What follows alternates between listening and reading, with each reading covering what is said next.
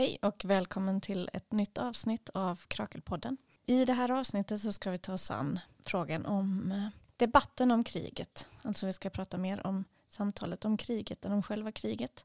Men vi tyckte att det, det kändes viktigt att göra det och att kunna bidra med en analys av allt det som händer i samhället runt oss just nu. Och vi är jag, Miriam, och Ja, Nikolas. hej, Hej Miriam. vad roligt att du är med. Ja, tack. Det är ju typ min första poddavsnitt som jag ska spela in nu. Men jag är lite nervös, men det känns okej. Och jag var inte helt säker om jag vill vara med på den här avsnitten. För det känns ju som en väldigt eh, känslig och ja, komplex ämne också. Så, men ändå tyckte jag var viktigt att prata. Ja, men det känns bra att du ville vara med. Och vi ska också säga att vi har eh, förberett det här poddavsnittet tillsammans med en annan krökelmedlem som heter Nassim. Sen så lyckades vi inte få ihop det så vi kan, kunde spela in alla tre. Men eh, vi vill ändå ge cred till Nassim för hennes eh, kloka tankar som också ligger bakom en del av det som vi har tänkt att säga idag. Vi kan börja med att säga att meningen med det här poddavsnittet är alltså att bidra med en slags kritisk analys till själva debatten om kriget. Vi vill inte själva liksom komma med någon slags tvärsäker analys av kriget utan vi vill kanske snarare betona vikten av att stanna upp och reflektera och eh, ställa frågor i ett läge som är väldigt dramatiskt och där saker går väldigt fort och det är fullt av emotioner och eh, krigsrubriker och eh, också en tid som präglas av väldigt svartvita omvärldsbilder. Och vi tycker att det är viktigt i ett sånt läge att behålla helt enkelt ett politiskt samtal. Även om det är svårt, precis som du säger. Mm, ja, även om det känns väl obekvämt. Alltså så. Och det är ju obekvämt också för att det är så ett, ett sånt laddat läge i världen och ett så laddat läge i debatten. Det känns väldigt kanske lätt att gå fel. Så vi, vi kände att vi måste kanske börja med lite brasklappar, tala om lite vad det är vi vill säga, men också vad vi inte vill säga, vad som, Mm. vad ni, hur, hur ni inte ska höra oss helt enkelt. Poängen är väl också med en politisk analys, tänker jag, att eh, inte fastna i moralism eller inte fastna i en väldigt tydlig fiendebild, utan en politisk analys är ju en analys som utgår från en bredare strukturell förståelse av, av världen och ja, en förståelse som utgår från att det finns makt till exempel, tänker jag. Mm. Men ja, ja, jag tänkte säga också, ja, det, det är viktigt att vi håller den typ av analys och den diskurs, att vi inte släpper helt den. Men som vi pratade tidigare tyckte jag också viktigt att säga att vi är väldigt medvetna om att det är också ganska långt bort. För att vi har ju privilegiet att vi är inte är inblandade i konflikten direkt. Så vi kan ha den typen av eh, fågelperspektiv. Precis, vi förstår ju att det är ju mycket lättare för oss att ha en nyans än för den som är väldigt drabbad av kriget. Eh, men det kanske också, det kanske också är ett privilegium som vi ska använda för att, att kunna bidra med en politisk analys. Det vi vill göra är helt enkelt att bidra med ja, en liten diskursanalys kan man väl säga. Och med det menar vi att vi vill problematisera konstruktionen kan man säga av berättelsen om det här. Hur problem målas ut. Vad är det som är ett problem? Vem är ett problem? Och hur får den här kategoriseringen av problem oss att se lösningar? Hur får kategoriseringen människor att agera på vissa sätt utifrån de känslor som den här berättelsen skapar? Av oro då till exempel. Ja, och det är väl viktigt det är väl en, en aspekt av en diskursanalys att se att diskurser formas av makt och av aktörer där makten konstruerar eller har, har vinning av att problem konstrueras på vissa sätt eh, som gör att människor betraktar det och behandlar det utefter det.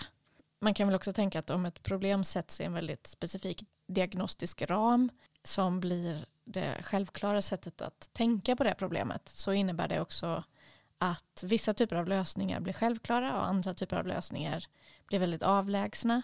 Till exempel då att den här idén som är väldigt stark just nu att mer vapen leder till mindre krig. Det är följden av vissa sätt att konstruera problemet. Problemet är att Ryssland är en kärnvapennation och då måste vi kontra med att också beväpna oss. Och då blir alla andra problembeskrivningar, alla andra lösningar mindre trovärdiga och får mindre roll. Men det är liksom inte en rationell urval av problem och lösningar utan det är följden av hur makten konstruerar problem och lösningar. Jag funderar på det. Mm. Jag tänker också en det, det går ju också med i en typ av narrativ och konflikt, hur konflikter fungerar och att man blir typ kritiserad för att ha naiva tankar om man inte går med i en viss narrativ eller som du säger om den problemställningen. Alltså om man försöker tänka utanför den ram så får man direkt en kritik. Det är, ja, precis. Det är också följden av den här hegemonin av vissa sätt att konstruera problemet är att man blir dumförklarad eller problematiserar. Och i, i vissa fall till och med blir man ju eh, beskriven som i, varandes i fiendelägret. Liksom. Och det är inte heller så att Krakel gemensamt har tagit ett ställningstagande eller något, någonting sånt. Men vi vill ju förstås absolut uttrycka solidaritet med alla de människor som lider av och drabbas av kriget och dess följder. Men vi vill också understryka att det här ifrågasättandet av diskursen som vi ska ägna oss åt nu absolut inte är någon slags Rysslands. Det vi ska ägna oss åt är inte att ursäkta eh, Rysslands agerande på något sätt. Vi kan ju se att det finns delar av vänstern som, eh, jag tycker det är marginella delar av vänstern, men det finns ju verkligen vänster som på något vis hamnar i det här stalinistiska sättet att tänka på fienders fiende som en mm. vän och då hamnar i försvar av Ryssland eh, i sin kritik av NATO eller så.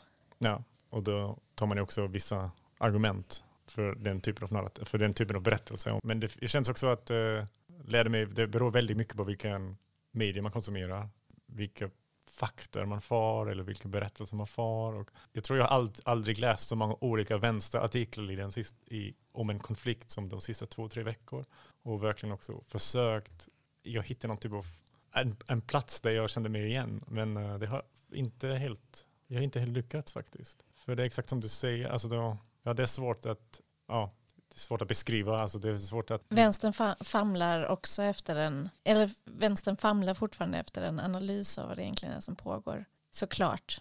Eftersom världen alltid är mer komplex än de teorier man använder sig av. Så om man bara applicerar en teori rätt av så är det inte säkert att man fångar alla aspekter. Uh, och ja, det är väl problemet liksom med en dogmatisk vänster som då fastnar i en svartvit världsbild, tänker jag.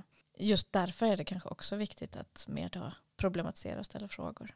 Men ja, som du säger, det finns ju inte en berättelse eller en diskurs. Det finns ju alternativa berättelser. Det vi tänker prata om nu kanske framförallt är liksom den liberala hegemona diskursen mm. som är mainstream som mm. försöker förklara konflikten i, med vissa argument eller som, ja, som vi kommer att prata om. Kan du inte, vill du säga någonting mer om eh, det du har läst? Alltså, vad är det för olika positioner du ser? Alltså, vad är det för andra berättelser du har sett i det här vänstersamtalet? Ja, alltså det är lite som de, du pratade om, så lite så gamla kommunistpartier eller så som försöker ta ställning och, och försöker argumentera mot konflikten från en Ryssland, Rysslandvänlig så jag håller mina fingrar i luften som ett uh, ja, citattecken. Ja, exakt. Och det är också lite olika. Alltså i Tyskland, jag, läser tysk, jag förstår tyska så läser jag tyska tidningar och då är ju en stor splittring mellan Die Linke också som har ju ryskvänliga delen kring Sara Wagenknecht för exempel som försöker verkligen så tar en stor kritik mot NATO och försöker alltså preppa upp typ narrativet kring uh, vad har hänt i östra Ukraina och så. Och samtidigt finns det också många unga vänsterpersoner och så antiautoritära grupper som såklart de köper inte in i den typen av historien och de ser klart att det, den gamla, ja de säger att det, såklart att Sovjetunionen inte längre finns och Ryssland är ett imperial makt och därför har vi en, inte bara en, mono, en monopol på imperial makt men vi har ju olika poler och så. Så det är den gamla anti-amerikansk, anti-västvärld reflex som man har i vänstern, den håller inte längre. Alltså den funkar inte längre. Mm. Jag tycker också spännande att det finns många, alltså, det finns alltså många grupper som tar positionerar sig, alltså vänster och socialister i Ukraina, socialister i Ryssland och kommunister i Ukraina, kommunister i Ryssland och anarkister i båda läger. Ja, då finns det ganska många lika positioner nu, att de säger så klart, ja men Ryssland är aggressoren. Det, det finns ingen ursäkt för den här konflikten. Alltså, även om NATO har gjort fel eller NATO har tagit en steg emot, många steg emot östra Europa och, och den säkerhetstänkande för Ryssland behövs också ta i hänsyn. Men en sak som vi tänkte börja reflektera kring är hur den här frågan om hur det mediala samtalet formas.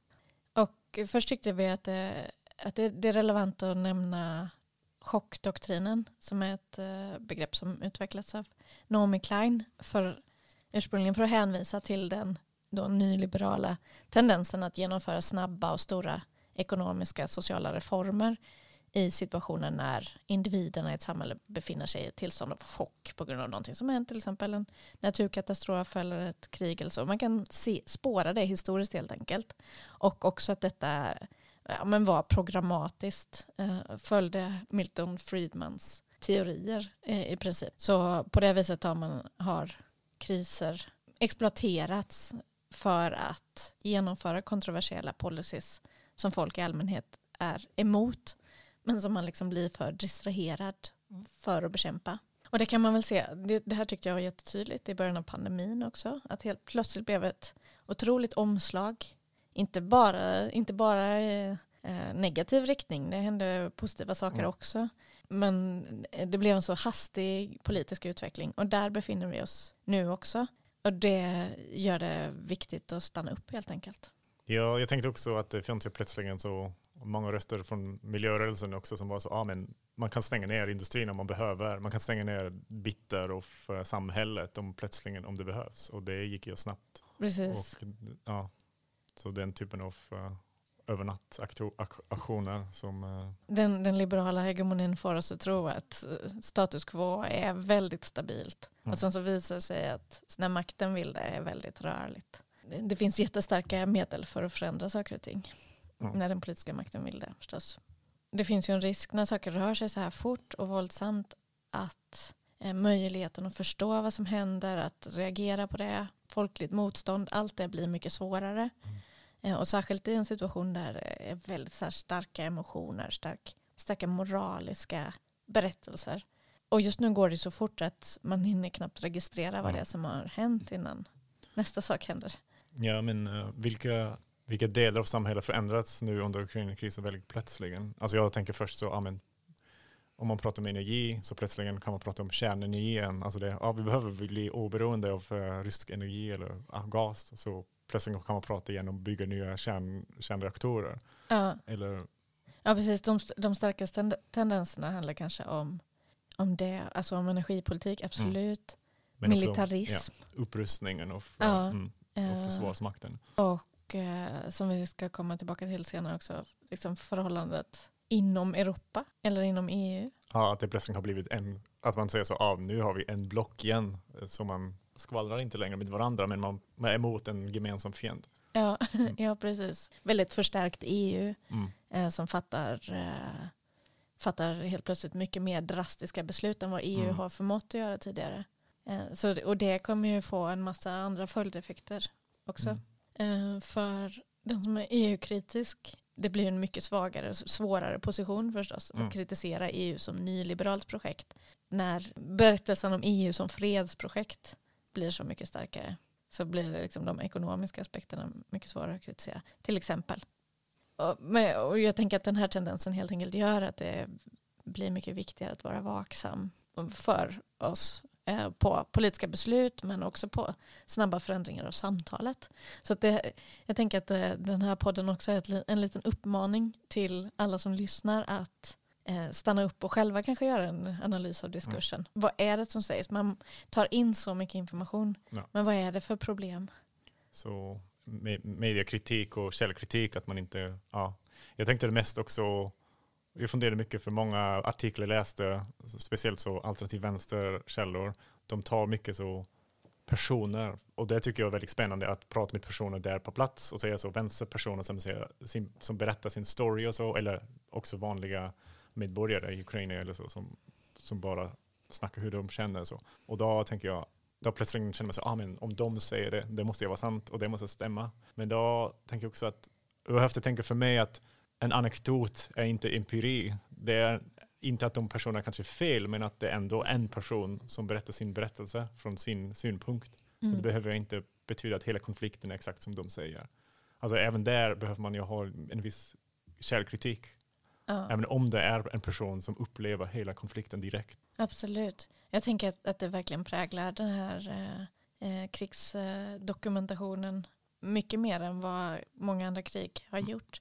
Att vi hela tiden får höra berättelser inifrån. Ja, jag läste någon gång att det är, mest, det är typ det mest och bäst dokumenterade konflikt som finns hittills. Aldrig så många sociala medier som uh, många posts som har blivit postade om en konflikt som den här känns. Jag tänker bara, jag, jag lyssnar till exempel mycket på Sveriges Radio mm. och där kan man ju också höra svensk talande röster inifrån Ukraina, så antingen eh, människor som är födda i Sverige eller som har lärt sig svenska.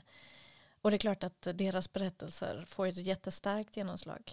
Men precis som du säger så är det, det är också berättelser som är, som är färgade av mm. till exempel av nationalism som ju kanske är en ganska förståelig respons på vad som händer. Men det, får, det drar ju lätt med en i en slags nationalistisk mm. Ja, såklart. Känsla. Om man är empatisk emot en persons öde så är det om vad händer att man tycker, alltså, tycker synd om den. Man tycker så, ja ah, men du går igenom den hela, den hela helvete så du, det måste ju vara sant vad du säger, du kommer jag inte luga. Mm. Men ändå att det är inte neutral. Det är inte en neutral position. De, de går ju utifrån deras liv och deras uh, omgivning och vad de har sett. Precis. Det, det kan vara jättevärdefullt att lyssna på men det fråntar inte oss kanske ett ansvar att göra en, mm. en annan eh, kritiskt ifrågasättande eller analys av hela liksom, den bild som vi får. Alltså utan att man för den skull förstås behöver vara kritisk mot de här personerna som uttalar sig. Men det finns ju ändå ett, det är ett urval som görs av media och varför görs just det urvalet och så. Och sen tänker jag också att den här hastigheten gör att det inte går att göra liksom en kritisk analys av konsekvenserna av olika beslut som fattas. De kort och långsiktiga konsekvenserna. Om man tar då som exempel, eh, ett exempel som Nassim lyfte, att när vi beslutar att vi ska skicka vapen så gör vi ingen analys av hur det här på kort sikt kan förstås bidra till krigsföringen men också på längre sikt vad händer med vapen efter att kriget är slut beroende på olika utfall. Mm. Alltså vi, om vi bidrar med mer vapen eh, så, så skapar vi också mer våld. Mm. Men det, det samtalet eh, går inte att ha med den hastigheten som beslut fattas. Det är väldigt svårt att, eh, att ha en demokratisk, ett demokratiskt samtal. Det blir en väldigt likriktning i samtalet när det är så starka moralistiska mm. stämningar. Ja, för om du är emot vapenleverans så är ju direkt emot uh, självförsvarsrätten och befolkningen eller och, och samhället i Ukraina. Ja, om du är emot vapen så är du ja. emot fred. Jag, jag tycker det är lite bisarrt. Alltså jag menar, det är ju trots allt så att Sverige har tjänat jättemycket pengar på vapenexport också till krigsförande länder. Men det är ändå en helt ny position att med skattepengar bekosta vapen som sänds rätt in i en krigszon. Och att vi inte skulle göra det var en hållning som alldeles nyss delades av jättemånga, var fastslagen i doktriner i Sverige och i många andra länder. Men vi har inte kunnat föra ett demokratiskt samtal om ifall vi ska kliva bort från den doktrinen utan det är helt farit över ända bara. Och jag, och jag tänker att eh, det förstås är ett väldigt svårt beslut och när jag säger det här så menar inte jag att jag tagit ställning eh, i den frågan. Kanske är det rätt beslut, men det måste gå att diskutera och att vara oenig och att eh, man inte är då Putin-kramare till exempel bara för att man inte har det här förhållningssättet till, till vapen som ett sätt att skapa fred. Ja, ja jag tycker också det är väldigt svårt. Alltså, för, ehm, det var mycket, min, mycket mindre uh, diskussion i Schweiz, där jag kommer. Alltså då var jag Socialdemokraterna som, det fanns flera röster som var så lite äldre antikrigsgeneration. Men mest var det tror jag, väldigt direkt för så mycket som möjligt skicka. Mm. Jag vet inte om man kan säga att vi har haft en debatt här i Sverige för att det som hände var att, att Vänsterpartiet först, först röstade emot och då blev totalt svartmålade i media och sen så fick partiledningen partistyrelsen att svänga och är nu för. Så nu finns det ju ingen position som är kritisk längre. Mm. Jag tänker om vi ska knyta an till det vi sa tidigare om det här skapandet av problem och lösningar och vem är problemet och så, så tänker jag också att, att det är någonting med konstruktionen av fiendebilden här som är värd att säga någonting om. Att om man utmålar Putin som, som galen till exempel, eller att han är ond, så Ja, det är problemet. Problemet är den galna figuren Putin. Ja. Så det är mycket möjligt att han är galen, det är inte det. Men den berättelsen gör ju också att en mer liksom, strukturell analys försvinner och lösningar som har med diplomati eller med långsiktiga ekonomiska strukturer att göra inte blir möjliga helt enkelt. Mm, det är också en narrativ som kommer igen och igen. Alltså det var ju en narrativ när Trump var president, han var galen och nu är Biden som är dement. Alltså det är ju en mental ohälsa är ju en, en, en, en ämne som dyker upp hela tiden när det är någonting som mainstream media inte tycker om. Alltså, eller man försöker förklara någonting i en liberal tänksätt. Alltså. Mm. För annars kan det ju inte vara att någonting sånt händer om det inte är en person som är galen ska göra det. Precis, och då är, då är det helt omöjligt att göra den här med långsiktiga maktanalysen. Eh, även om, om man eh, tänker att den här individen kanske har någon slags påverkan alltså, ja, i ledet, så är det liksom ett system som har fört fram den här individen. Mm. Ja, jag tänker det är viktigt att man inte bara är så deterministisk, alltså man, man har ju, det finns ju absolut utrymme att röra sig in och bestämma och säga nej till en krig för exempel. Men att, ja, jag tänker bäst om man tänker så, ja, men om man tar bort den personen, det, det slutar inte bara. Alltså det är ju en system på plats som gör att det fortsätter. Precis, och jag tänker också att det här, alltså den här mm, föreställningen om ondska som ju då har en godhet på, som sin spegelbild. Mm. Också förstås omöjliggör en, en maktanalys helt enkelt. Vad är det för intressen som tjänar på det här? Eh, vad är det för intressen som kan vara i spel? För det är bara det moraliska kriget mellan det goda sättet att leva och det onda sättet. Mm. Så en väldigt Disneyesk sätt att sikta på en konflikt. Precis, hjältar och, och skurkar. Och det här gör också att Rysslands inre politiska landskap, inre maktkonflikter, den komplexa bakgrundshistorien mm. till eh, var, var vi befinner oss idag, alltså till exempel vägen från Sovjetunionen och hit, osynliggörs. Allt det klipper man bort och tänker att det här är någon slags fortsättning på Sovjetunionen mm. som, ju, som vi ju vet var representant för ondskan. Jag tänker, ja men exakt, att vi som har växt upp med den narrativ, med den tankesätt, det är, det är svårt att komma bort. Men jag tänkte ibland om man kanske kollar på folk, befolkningen och ehm, intellektuella eller vad som helst röster som kommer utifrån den här västländska hegemonin.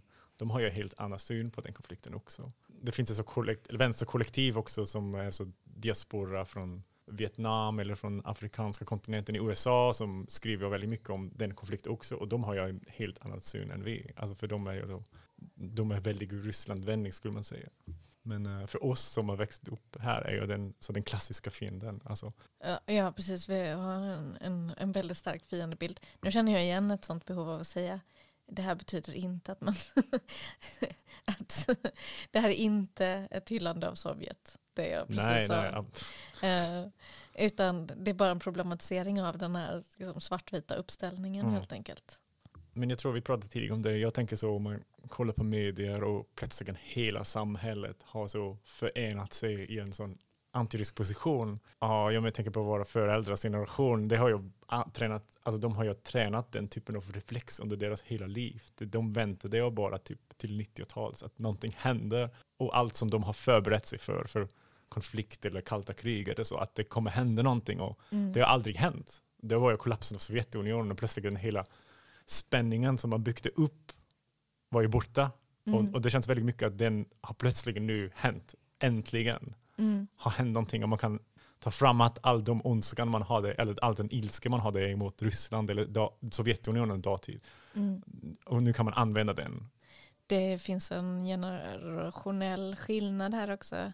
Alltså alla de som på något vis växte upp under kalla kriget har en mycket större beredskap för att omedelbart omfamna den mm. berättelsen. Ja. För den har präglat deras tidiga liv så mycket. Ja, alltså hemma känns det så att det var ju, vi hade ju en helt grej kring att vara rädd att stora Sovjetunionen kommer inva invadera Schweiz. Alltså det var som min, min far som växte upp och, men ingenting har hänt. Alltså då, mm. ja. Jag kände då också nästan det var så en, en kollektiv inte glädje, men det var någonting så, de kunde äntligen säga så, ah, vi visste, vi visste att det kommer hända och nu har det hänt. Mm. Ja, jag förstår, det, det är helt sant.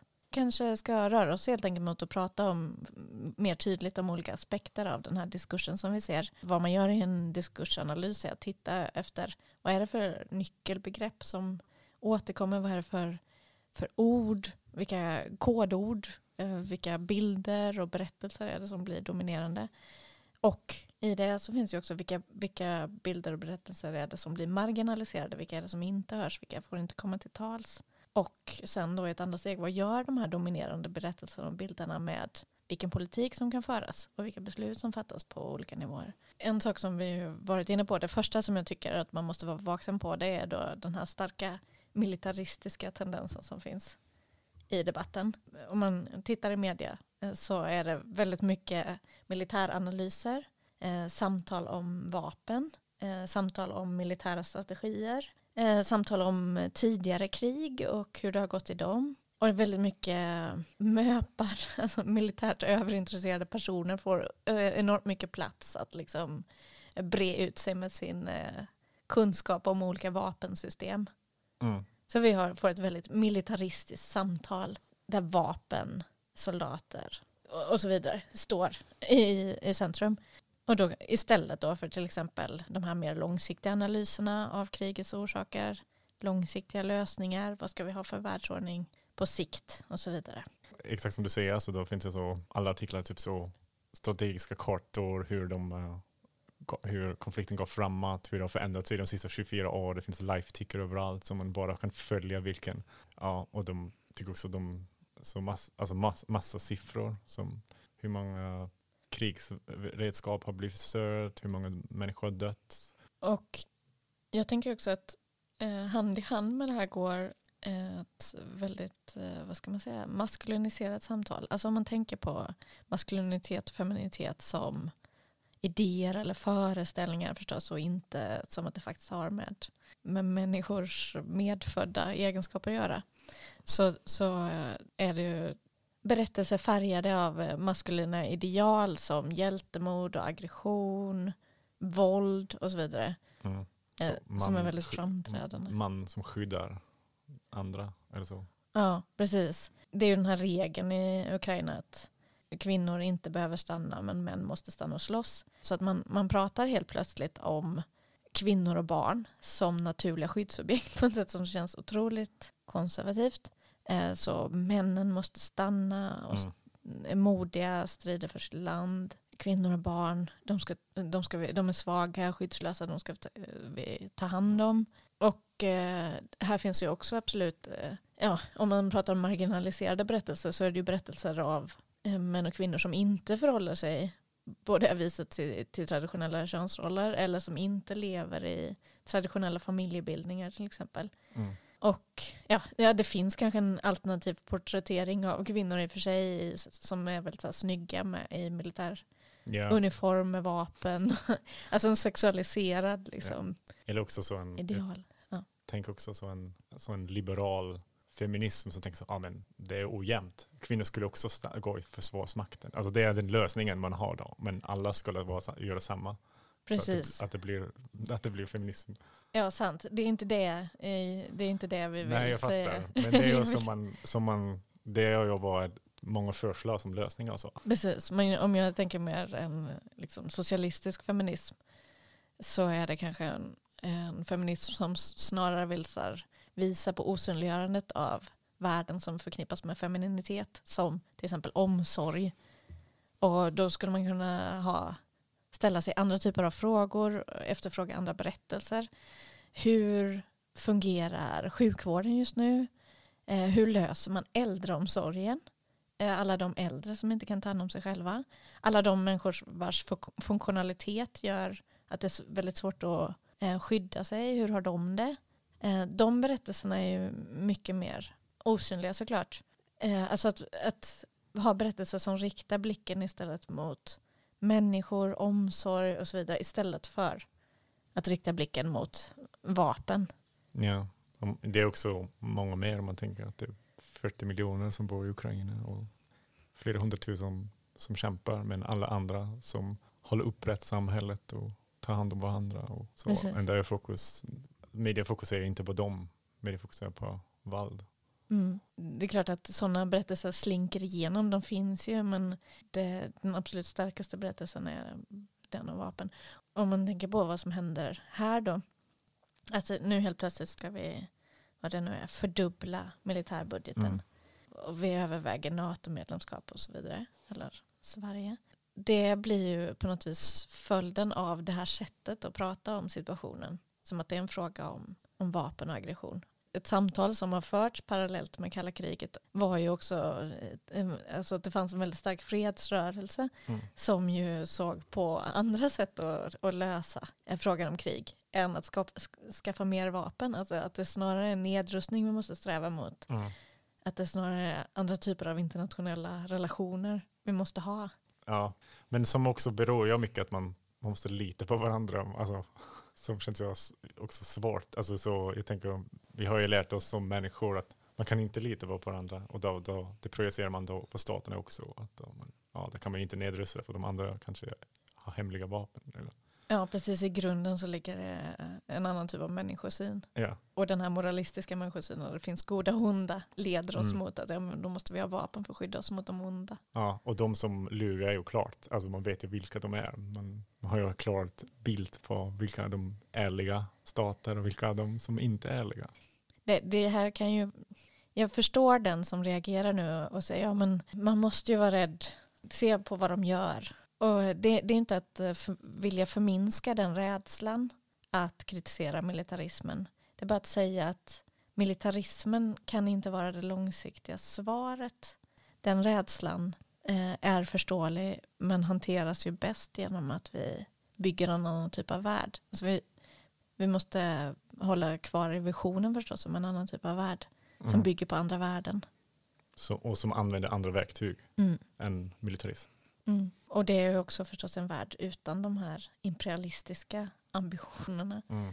Såklart så är det här också en komplex diskussion så länge det finns imperialism. Mm. Eh, För då, ja, som vi pratade om innan, självförsvarsrätt måste man kanske också kunna hävda för Ja men precis. nationer. Det är Mm. kritiken om att om man säger sånt. Man säger att ah, men vi måste tänka vidare än bara vad händer just nu. Men samtidigt är det så. Ah, men det är lätt för oss att säga. om man inte står på, mitt i konflikten. Typ. Ja, Såklart. Jag berättade att jag läste en eh, tidningsartikel artikel idag från eh, en tidning som heter Analys och kritik. Som är en tysk vänstertidning. Och de, eh, någon som skrev en artikel och den citerade en gamla Rosen Luxemburg-text. Och att det är inte uppgiften av socialister att hitta lösningar för kapitalismens problem eller, eller för de imperialistiska konflikter. Så vi kan inte bara ta de verktyg de använder och tycker det kommer att vara bra. Alltså det går lite i samma håll att man, ja, vi måste ju ändå försöka tänka lite vidare än bara direkt nu. Och, Precis, våra visioner är, mm, måste vara no, några, några andra helt enkelt och Mm. utgå från att världen eh, faktiskt skulle kunna vara strukturerad på ett annat sätt. Eh, en annan väldigt marginaliserad berättelse det handlar om, om vänstern och arbetarrörelsen i Ryssland mm, och, och eh, vad den har för position, vad den jobbar med för verktyg. Eh, förstås eh, under väldigt svåra förhållanden. Eh, Mm. Men den enda mot, inomryska motberättelsen som kommer igenom är ju en, en liksom, den nyliberala motståndskampen på något sätt. Den opposition som, som får höras i, i västmedia är framförallt den. Men jag tänkte på den, för idag var det, jag vet inte om du sa det, var ju också en, sån, en, en video av en kvinna som protesterade i tv-studion Mm. med en skylt som Stop the War och så. Absolut. Och, och det blev ju delat som fan överallt. Och, men efter läste jag plötsligt att så, ah, men det finns faktiskt inga livesändningar i rysk tv. Den person eller den, den uh, källa sa att den är stage. Typ. Alltså, och det, det, det började jag tänka att man, fan, man vet verkligen inte vad man ska tro på. Och jag vet inte om den personen hade rätt eller inte. Jag vet inte om det finns livesändningar i rysk tv. Men Mm. bara tänka att ah, kanske i en land som är väldigt uh, censurerat, att det kanske är sant att det kan ju inte finnas något livesändning för det kan man inte censurera så bra. Alltså Mm. att de tillåter det för att vi, alltså att jag tror det var en ukrainsk röst, person eller så som skrev på Twitter att ja, det är fabricerat så att man tar bort blicken från konflikten och gör den emot Ryssland och vilka oppositionen som finns inom Ryssland. Alltså man, man ändrar sin syn på något, alltså man kollar på något annat än inte på konflikten. Mm, precis, ja, men det händer olika sådana där spektakel helt Mm, enkelt exakt. som, eh, som blir virala och som väcker jättemycket känslor. Och, ja. men som inte bidrar till vår mer långsiktiga analytiska förståelse av situationen. Nej, nej såklart inte. Men jag också tänker så hur, hur intensiv eh, medier och sociala medier särskilt har blivit som en vapen i den här konflikten också. Ja, Mm. För att skapa de onda och de goda och ja, Jag, jag tänker på en annan aspekt, väldigt tydlig aspekt av diskursen som vi också har varit inne på. Eh, handlar ju om de väldigt individualistiska förklaringarna.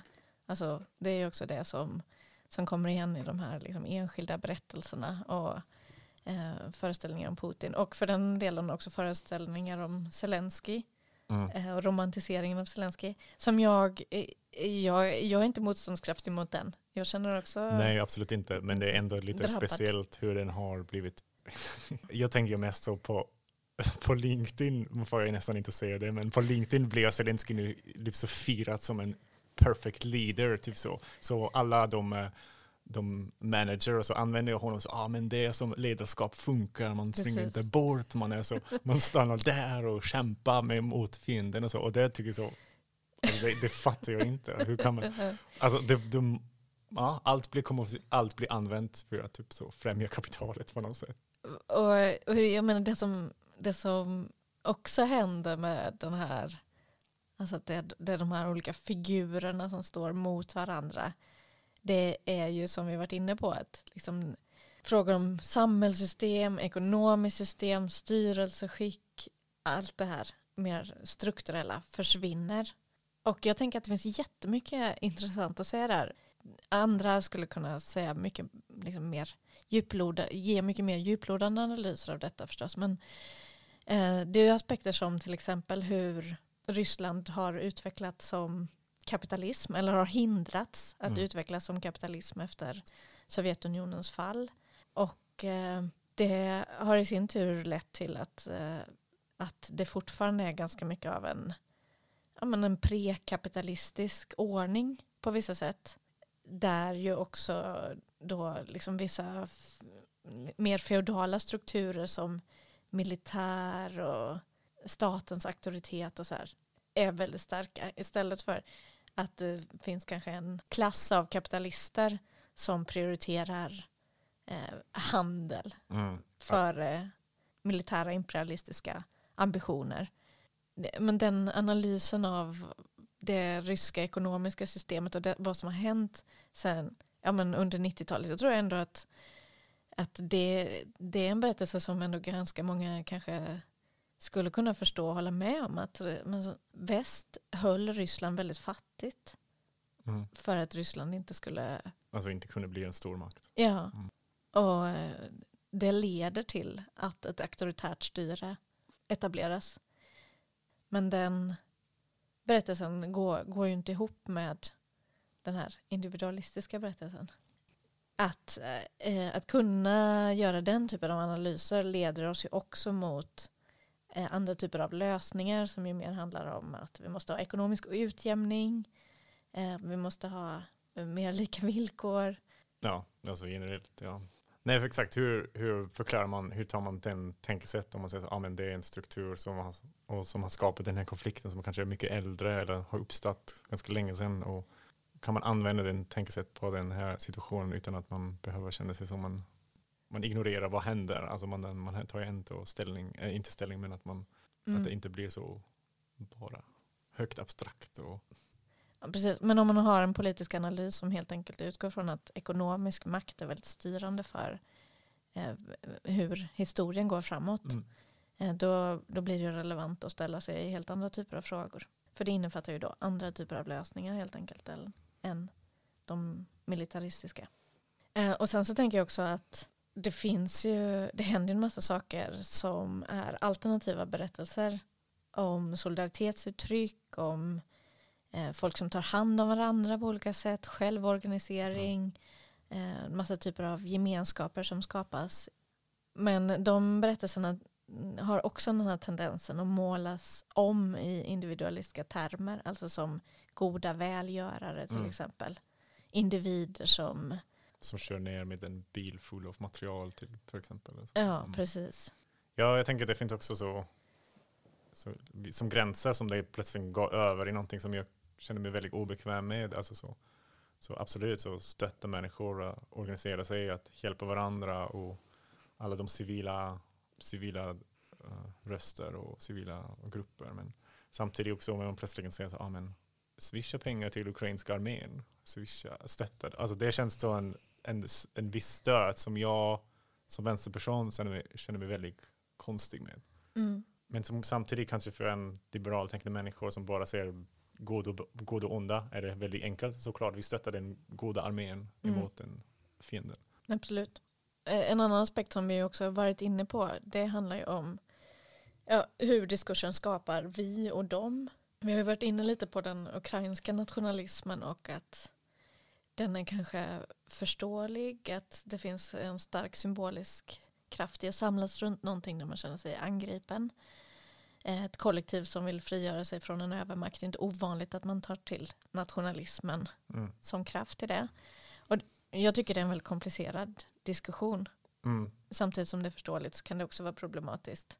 Som jag känner det så finns det då olika nationalismer i vänster. Det finns det de som är bra, som hjälper att folk frigör sig och de som är dåliga, som, eh, som är utgränsande kanske. Eller som, eh, ja, som Ja. är en, en presstig till fascism eller så.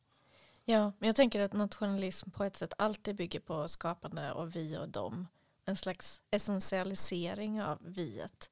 Vi är sådana här och de är på ett annat sätt. Samtidigt så, så tar det ju bort eh, andra relevanta kategorier som till exempel fattiga och rika, Mm. höger och vänster. Och, och det här liksom anhängandet av nationalismen som projekt gör ju också att internationalismen eh, som projekt känns väldigt avlägsen. Alltså den här eh, solidaritet mellan människor över alla gränser. Och, och det här kommer vi också in på sådana frågor som ja, men vem till exempel räknas som ukrainare då? Eh, Ukraina är inte, har inte varit etniskt homogent någonsin. Ändå så skapas en bild av en etnisk ukrainare som ju också leder till att flyktingar med olika hudfärg till exempel behandlas på olika sätt. Ja, alltså för exempel att det finns ju också många romaner i Ukraina eller att det finns eh, muslimiska befolkningen på Krim också. Som, ja, Mm. men att det bara blir så whitewashed. Så alla ser som, ut som vi. Det är narrativet, det är som man berättar. Precis. Så. Mm. Frågan hur långt det går när det plötsligt inte ser ut som vi längre. Och jag tänkte lite på hur, ehm, för att nu, nu skapas ju också en sån berättelse av att eh, vi, vi vill ta hand om de som kommer för att de är som vi, ser ut som vi och så vidare som du säger. Men, och det är ju skapandet av, av, av en berättelse om vilka vi är. Som, som är, det finns ingen stabilitet i den, utan det kan hela tiden omformas. Om jag liksom drar mig till minnes hur diskursen var 2015 när flyktingvågen började. Flyktingvågen eh, till följd av krigen i Syrien och situationen i Afghanistan. Mm. Så, så fanns det också då ett berättel- en berättelse som omfamnade många av de syriska flyktingarna som en del av viet. Alltså man, det var berättelser om eh, medelklassfamiljer, om barn. Ja, på många sätt så, så var det gemenskapen som först lyftes fram. Och sen helt plötsligt så svängde det. Och det, det, flyktingarna var inte alls en del av Mm. oss eller vårt vi. De omvandlades till siffror, till problem och avhumaniserades på det viset. Och eh, det, är, det är inte alls omöjligt att det kommer bli så i den här flyktingsituationen också. Att just nu är Ukraina en del av, konstruerade vi. Europa också, Ja. och västvärlden. Ja. precis. Men om, eh, om, om makten helt plötsligt börjar betrakta flyktingsituationen som väldigt problematisk Mm. så kanske eh, det här villkorade viet, gränsdragningen förändras. Mm. Jag, jag, tänk, ja, jag undrar också hur mycket det hänger ihop att nu är det ju kvinnor och, kvinnor och barn som kom mest och den stora eh, den stora högersvängen är så att det var ju bara ju unga män som lämnade Syrien och Afghanistan som kom hit. Eller någon, någon gång, kanske inte från början men att plötsligt var de mest av dem var unga män Mm. som vill inte kämpa i kriget men som flydde men lämnade deras familjer. Typ så. Och hur mycket det påverkade så att, det, att vi har en sån beskyddarinstinkt mot eh, kvinnor men inte men, men de förtjänar inte vara sky- skydds... En väldigt obehaglig föreställning om människor som olika skyddsvärda.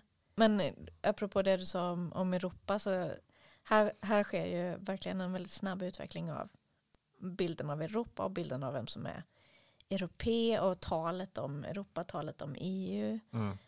Och jag har hört, ja men Ursula von der Leyen pratade om att Ukraina var en del av den europeiska familjen och sen så ekade Magdalena Andersson det. Och, och helt plötsligt pratar vi alltså om EU i någon slags eh, genetiska termer, att vi tillhör samma familj helt enkelt. Alltså det, det är ett, eh, ett begrepp som ju verkligen formar bilden av, av oss. Men, och folk har hänvisat till den här närhetsprincipen och så vidare. Men den är också förstås konstruerad, konstrueras hela tiden om utifrån berättelser. Ja, men precis. Jag tänker också om, om det skulle ha hänt i Rumänien eller Bulgarien som jag exakt samma distans, om det var samma narrativ, om man har samma berättelse då eller om det är mycket annorlunda. Ja, eller man kan ju bara ta Ryssland som exempel Mm. också, som också kanske ligger närmre, men där vi inte har den här närhetsprincipen. Nej. Så närhet har ingenting med mil att göra, geografiska avstånd, utan bara med berättelser om Det är ett verktyg man använder för Mm. att skapa en, ett vi och dem. nära och fjärran. Mm, mm. Mm. Och en annan väldigt tydlig dikotomi här är ju civilisation. Och sen uttalar man inte att på andra sidan är barbari. Men det är ju det, det, är det som är spegelbilden av civilisation. Ja. Och det är ju, avhumaniserar också alla som är inte del av civilisationen. De är ju barbarer. Och, eh, och obegripliga. Vi är rationella, de är irrationella.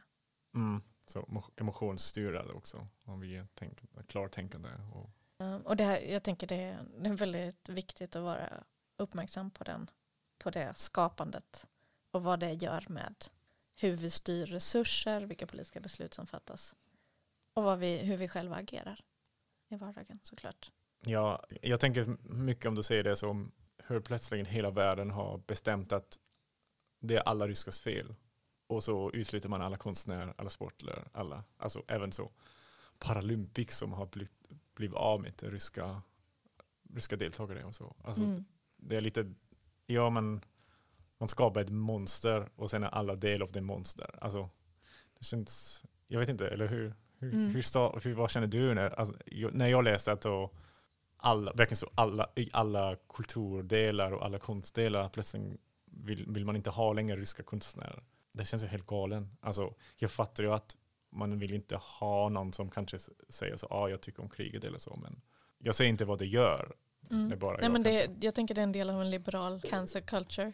Där man, men det är ett väldigt enkelt politiskt svar på, på problem. Att, människor som sitter på makt eh, över olika kanaler, platser och så vidare kan anamma det för att signalera godhet och positionering och så vidare. Eh, Men det har faktiskt ingen, ing- ingen faktisk påverkan på liksom politiska processer. Nej, det är mest som performativ aktivism, typ som man, man har gjort någonting man kan visa. Mm, Ja, precis. också, jag tror också för många kanske rätt, så institutioner är rädda av att vrede av folket om de inte gör så. Mm. Och det har ju nu redan blivit, alltså jag tänker så, det finns säkert nu redan ganska mycket antirysk sentiment, typ så att man, det är deras fel. Precis. Och, vad, och då analyserar man inte vad de långsiktiga konsekvenserna blir. Alltså om man till exempel som vänster måste man ju drömma om eh, en demokratisering och vänstervridning av, av eh, situationen i Ryssland. Och det finns ju ingenting i de ekonomiska sanktionerna eller i den här kultur och Mm. idrottsbojkotten och så vidare som eh, leder ditåt.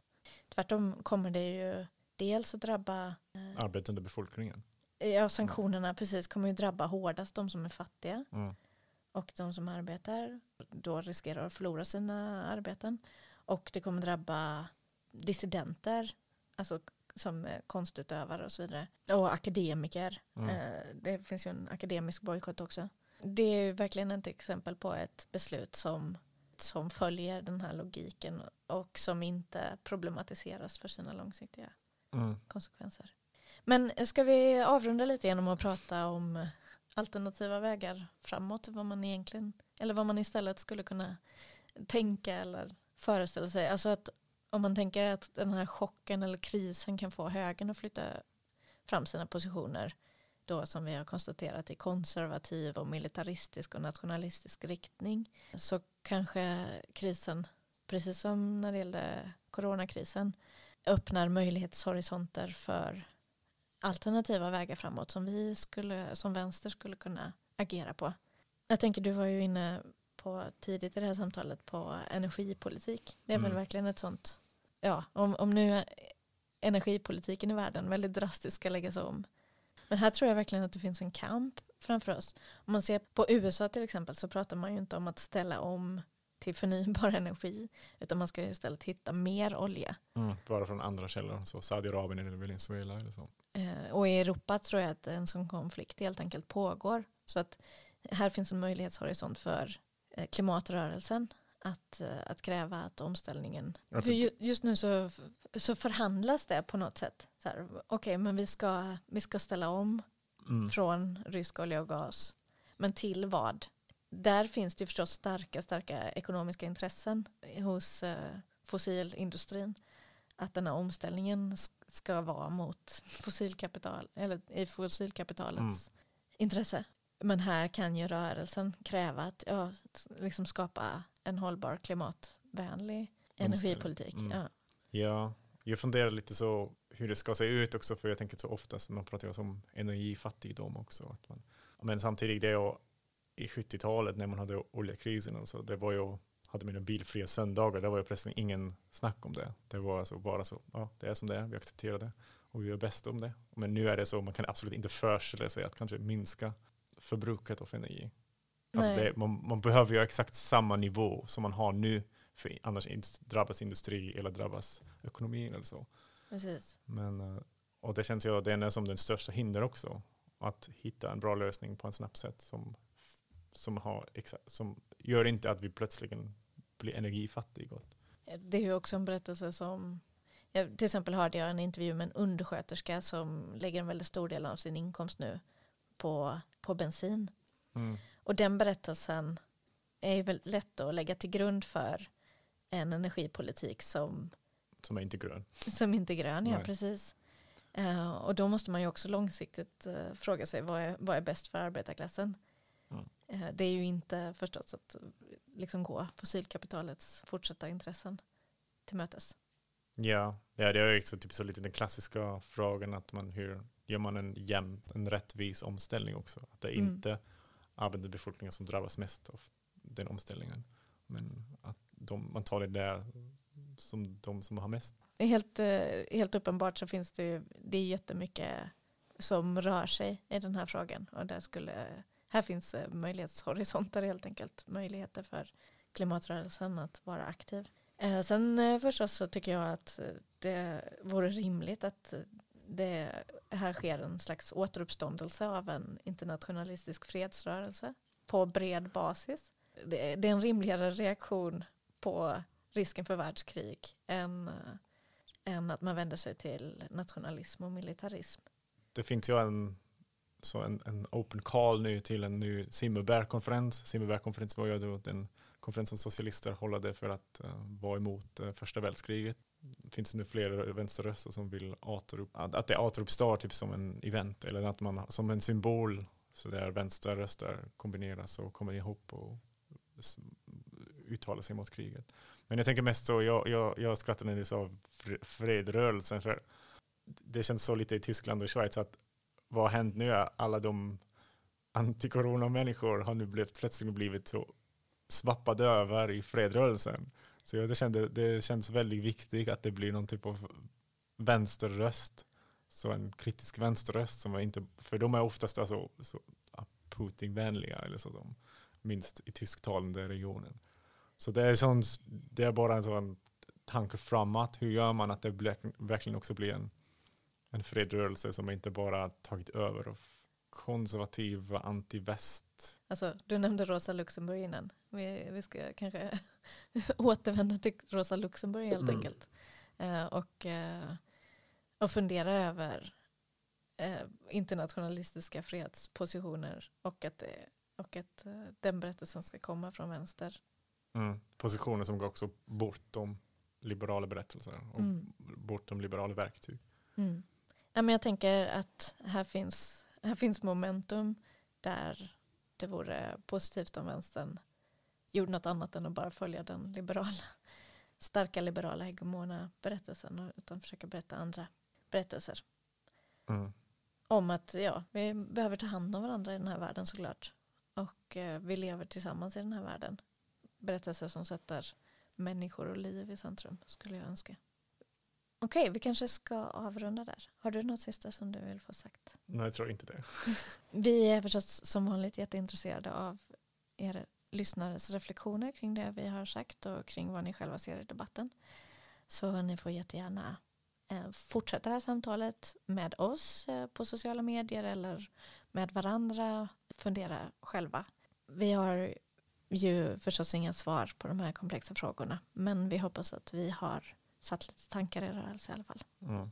Jag tänker också, man hör ju också i våra samtal att hur vi försöker steg för steg framåt, väldigt försiktig. För, för är det så svårt att prata om det? Och det finns ett värde i det. Och att det får lov att vara svårt att ta tid innan vi landar i en förståelse för den här komplexa situationen.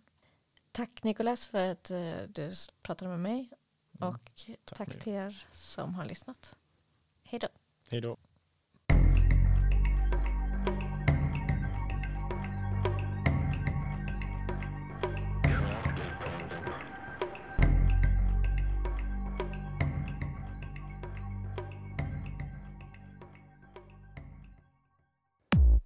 Du har lyssnat på en podcast som görs i samarbete med ABF Malmö.